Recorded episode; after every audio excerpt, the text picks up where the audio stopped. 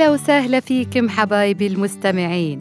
ومعاكم سوسن آل إدريس وبودكاست رحم الله والديك. برنامج خفيف أحكي لكم فيه حكاياتي وانطباعاتي في الحياة. اللي أرجو إنها تعزف على وتر في وجدانك من زمان ما سمعته.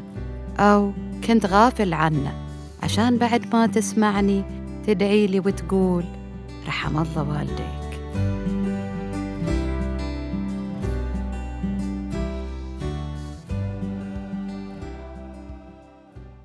من الأمور اللطيفة اللي تصادفني إنه لما أحد من مستمعين بودكاست رحم الله والديك يقول لي تكلمي عن الموضوع الفلاني.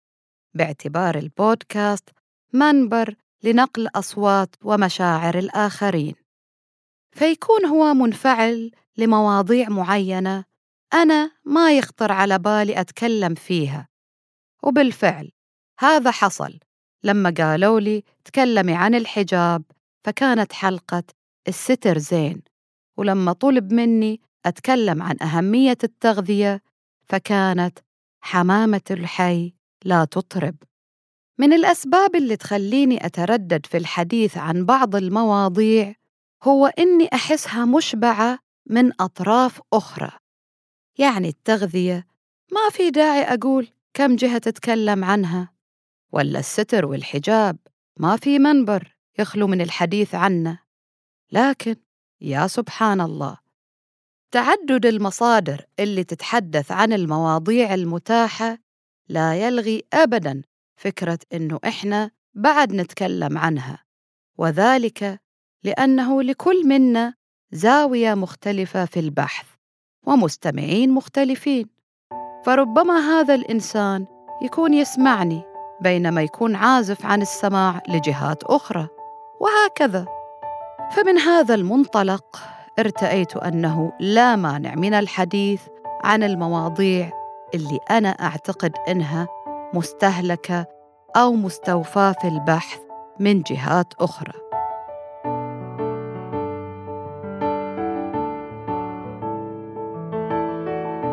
طيب هالمرة ويش طلبوا منك جمهورك يا ست سوسان؟ إيه جاينكم العلم. على طول تبغوني أدخل في الموضوع. أنا وحدة أعشق المقدمات والتمهيد فاستحملوني شوي. المهم الموضوع هو عن أمراض الدم وإصرار بعض الكابلز أي الأزواج على الارتباط رغم معرفتهم المسبقة لحملهم أو إصابتهم بواحد من هذه الأمراض المؤذية. موضوع انعمل عليه توعيات ومنشورات وأفلام قصيرة مؤثرة جدا. تدمي لها القلوب. مصورة كيف إنه هذا الحب أو العاطفة اللي دفعتهم للارتباط ما هي إلا وحش كاسر يقضي على مستقبل فلذات أكبادهم. موضوع بصراحة حساس. ويستغرب فيه اللامسؤولية من ناحية بعض الأفراد. طبعا البعض منهم وهو يشكر على هذا الشيء يصر على الارتباط لكن يمتنع عن الإنجاب إلا إذا تأكد بأن النطفة سليمة. فدا نقول قضى أخف من قضى يعني صحيح بيتعبوا كثير على ما يحصلوا على نتيجة. بس على الأقل نقول إنهم واعيين بإنهم ما يبغوا يأذوا الإنسان القادم من أصلابهم.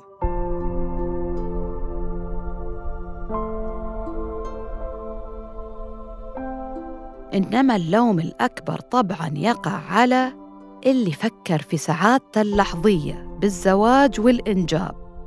ولا أعطى موضوع المرض أهمية تذكر وخلى الموضوع على البركة. ما أدري يعني ويش أقول. أكثر من اللي انقال وانعرض وانشرح. لكن يظل الإنسان عنيد ويضرب باللي في صالحه عرض الحائط.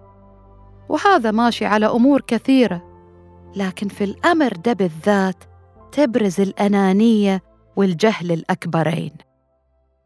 طيب وش اللي يخلي الزوجين يقدموا على هالخطوة؟ رغم علمهم بالكدر اللي جايينهم من أي جهة لازم نثقفهم عشان يوعوا؟ ولا هل علينا نسكت عنهم ونقولهم أحرار بصحتهم ومعاناتهم ومعاناة فلذة أكبادهم؟ النصيحة انقالت والفحص وضح والأمثلة في المستشفيات والآهات اللي نسمعها تقطع قلب السامع المار اللي ما له دخل. فما بالك انت يا أب أو يا أم.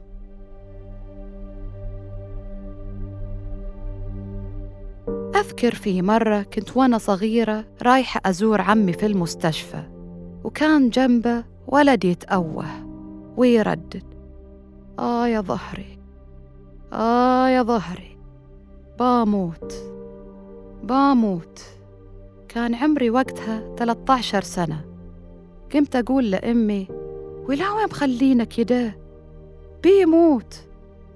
وقمت أصيح عليه ونسيت عمي اللي جاي أزوره. قالت لي أمي هذا حال اللي عندهم سكلسل. وأنا طبعا قمت بنقح كل ما أسمعه يقول باموت. يعني ليش نكرر المواجع؟ ليش عدم تحمل المسؤولية؟ مية ليش وليش؟ يعني حتى لو نحب بعض. ونبغى نتزوج. لازم نتذكر إنه المحبة والحب هي عواطف خلقها رب العالمين لإسعاد البشر مو للشقى والمرض. ده اسمه تعلق مرضي إنك تتعلق بشخص عارف مصيرك معاه بيكون شقى إلك وإلى نسلك. لازم نبطل العفوية الزايدة في التفكير ونعمل حساب الأولويات.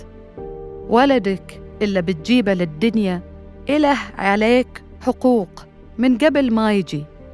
فلا تستهتر بحق غيرك على أساس إنه قطعة منك. حتى جسدك ما هو ملكك فما بالك بروح ثانية. من حقها تعيش بحرية وبصحة.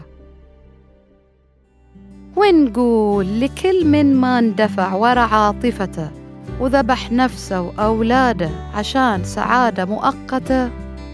رحم الله والديك.